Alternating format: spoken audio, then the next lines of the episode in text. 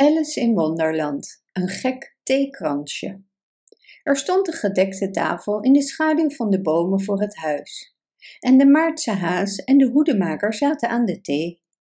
Een zevenslaper zat tussen hen in, maar die leek in slaap te zijn gevallen. De tafel was lang, maar ze zaten allemaal op een hoek van de tafel. Geen plaats, geen plaats, riepen ze uit zodra ze Alice zagen. Er is plaats genoeg, zei ze en ze ging in een grote leunstoel aan het ene uiteinde van de tafel zitten. Neem wat wijn, zei de Maartse haas op vriendelijke toon. Alice keek de tafel rond, maar er stond niets anders op dan thee. Ik zie de wijn niet, zei ze. Die is er ook niet, zei de Maartse haas. Dan was het niet beleefd van je om te zeggen dat ik wijn kon nemen, zei Alice. Het was niet beleefd van jou om te gaan zitten, terwijl niemand je had gevraagd om te gaan zitten, zei de Maartse haas. Ik wist niet dat het jouw tafel was, zei Alice. Het is gedekt voor meer dan drie. Jouw haar moet geknipt worden, zei de hoedemaker. Hij had Alice al een tijdje strak aangekeken en dit waren zijn eerste woorden. Jij zou moeten leren niet zo tegen een gast te praten, zei Alice. Het is erg onbeleefd. De hoedemaker sperde zijn ogen wijd open maar het enige wat hij zei was: Waarom is een raaf hetzelfde als een bureau? Kom, laten we nu wat plezier hebben, dacht Alice. Ik denk trouwens dat ik dat wel kan raden, voegde ze er hardop aan toe. Bedoel je dat je denkt dat je het antwoord weet? vroeg de Maartse haas. Ik wel, zei Alice. Dan moet je zeggen wat je bedoelt, vervolgde de Maartse haas. Ja, zei Alice, tenminste. Ik meen tenminste wat ik zeg. Dat is hetzelfde, weet je. Niet een beetje hetzelfde, zei de hoedemaker. Wel, je kunt net zo goed zeggen: ik zie wat ik eet, is hetzelfde als ik eet wat ik zie. Je kunt net zo goed zeggen, voegde de Maartse haas eraan toe, dat ik vind het leuk wat ik krijg hetzelfde is als ik krijg wat ik leuk vind. Je kunt net zo goed zeggen, voegde de zevenslaper toe, die in zijn slaap leek te praten, dat ik adem als ik slaap hetzelfde is als ik slaap als ik adem. Het is hetzelfde met jou, zei de hoedemaker. Een tijdje zei niemand wat, terwijl Alice probeerde te denken aan alles wat ze wist over raven en bureaus, maar dat was niet veel. De hoedemaker was de eerste die weer sprak. Welke dag van de maand is het? zei hij, zich tot Alice wendend. Hij had zijn horloge in zijn hand, keek ernaar en schudde af en toe eraan terwijl hij het tegen zijn oor hield. Alice dacht een tijdje na en zei: De vierde.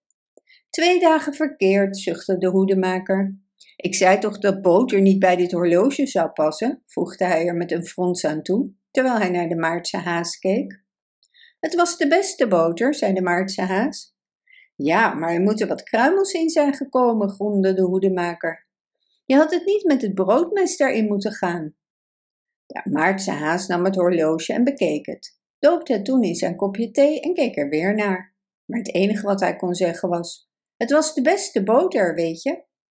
Oh, wat een grappig horloge, zei Alice. Het vertelt de dag van de maand en niet hoe laat het is. Waarom zou het ook, gromde de hoedemaker. Heeft jouw horloge aan welk jaar het is? Natuurlijk niet, zei Alice, maar dat is ook niet nodig, aangezien het zo lang hetzelfde jaar blijft. Dat is precies het geval met de mijne, zei de hoedemaker. Maar Alice begreep hier het nut niet van. Ik weet niet precies wat je bedoelt, zei ze. De zeven slapers weer in slaap gevallen, zei de hoedemaker. En hij schonk wat hete thee op het puntje van zijn neus. De zeven slapers schudde zijn hoofd en zei met nog steeds gesloten ogen: Natuurlijk, natuurlijk, precies wat ik zelf wilde zeggen. Heb je het raadsel al geraden? vroeg de hoedemaker zich tot Alice wendend. Nee, ik geef het op, zei ze. Wat is het antwoord?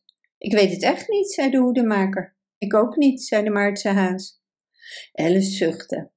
Ik denk dat je de tijd beter kunt besteden dan hem te verspillen door raadsels te bedenken die geen antwoord hebben. Als je de tijd net zo goed kende als ik, zou je niet zeggen verspil het. Dan zou je zeggen hij is het. Ik weet niet wat je bedoelt, zei Alice. Natuurlijk niet, zei de hoedemaker hoofdschuddend. Ik durf te beweren dat je niet eens met de tijd hebt gesproken. Misschien niet, zei ze. Maar ik weet dat ik sneller moet zijn met de tijd als ik leer zingen. Oh, dat is het, zei de hoedemaker. Hij kan niet tegen slaan. Als je nu op goede voet met hem bleef, zou hij alles doen wat je maar wilde met de klok. Zeg dat het negen uur was, gewoon tijd om naar school te gaan. Je zou de tijd een hint moeten geven. En de klok gaat rond. Half twee, tijd om te lunchen. Ik wou dat het zo was, zei de Maartse haas tegen zichzelf. Dat zou geweldig zijn, dat weet ik zeker, zei Alice. Maar ik zou er geen honger naar moeten hebben, weet je? In het begin misschien niet, maar je kunt het zo lang als je wilt bij half twee houden, zei de hoedemaker. Is dat de manier waarop je het doet? vroeg Alice. De hoedemaker schudde zijn hoofd en zuchtte. Ik niet, zei hij. Tijd en ik vielen afgelopen maart uit. Het was tijdens het geweldige concert van de Koningin van de Harten en ik moest zingen over Twinkel, twinkel, kleine vleermuis. Ik vraag me af waar jij mee bezig bent. Ken je het liedje misschien? Ik heb zoiets wel eens gehoord, zei Alice.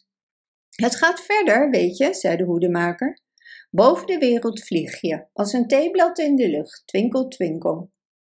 Hierna schudde de zevenslaper zich en zong in zijn slaap verder, twinkel, twinkel, twinkel, twinkel, en ging zo lang door dat ze moesten knijpen om hem te laten stoppen.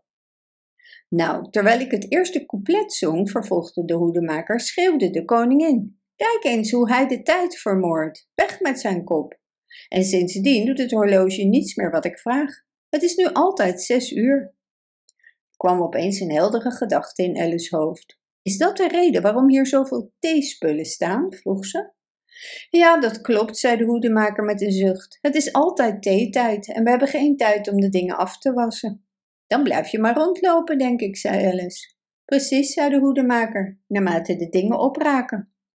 Maar als je op de plek komt waar je begon, wat doe je dan? durfde Alice na enig aarzelen te vragen. Ik ben dit beu, geeuwde de Maartse haas. Ik stem dat je ons nu een verhaal vertelt. Ik ben bang dat ik geen verhaal ken, zei Alice. Ik wil een schone beker, zei de hoedemaker. Terwijl hij sprak, liep hij verder en de zevenslaper nam zijn plaats in. De Maartse haas nam de plaats van de zevenslaper in en Alice, niet al te blij, nam de plaats in van de Maartse haas. De hoedemaker was de enige die iets goeds uit de wisseling haalde. Alice was er veel slechter aan toe, aangezien de Maartse haas de melkkan op zijn bord had laten vallen. Nu, wat betreft je verhaal, zei de Maartse haas tegen Alice. Ik weet zeker dat ik geen verhaal weet, begon Alice. Ik, ik denk echt niet. Dan moet je niet meer praten, zei de hoedemaker. Dit was meer dan Alice kon verdragen. Dus stond ze op en liep weg. En hoewel ze één of twee keer half achterom keek in de hoop dat ze haar zouden roepen, leken ze niet eens te merken dat ze weg was. Het laatste wat ze zag, was dat ze probeerde de arme zevenslaper met zijn kop in de theepot te stoppen.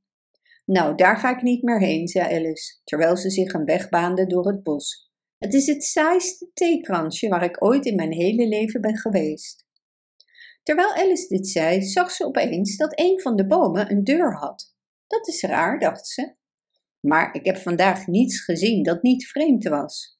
Ik denk dat ik net zo goed meteen naar binnen kan gaan. En ze ging naar binnen. Weer bevond ze zich in een lange gang, dicht bij het kleine glazen kastje. Ze pakte het sleuteltje eruit en opende de deur die naar de tuin leidde. Daarna ging ze weer wat van de paddenstoel eten die ze nog bij zich had. Toen ze ongeveer 30 centimeter hoog was, ging ze door de deur en liep het gangetje door.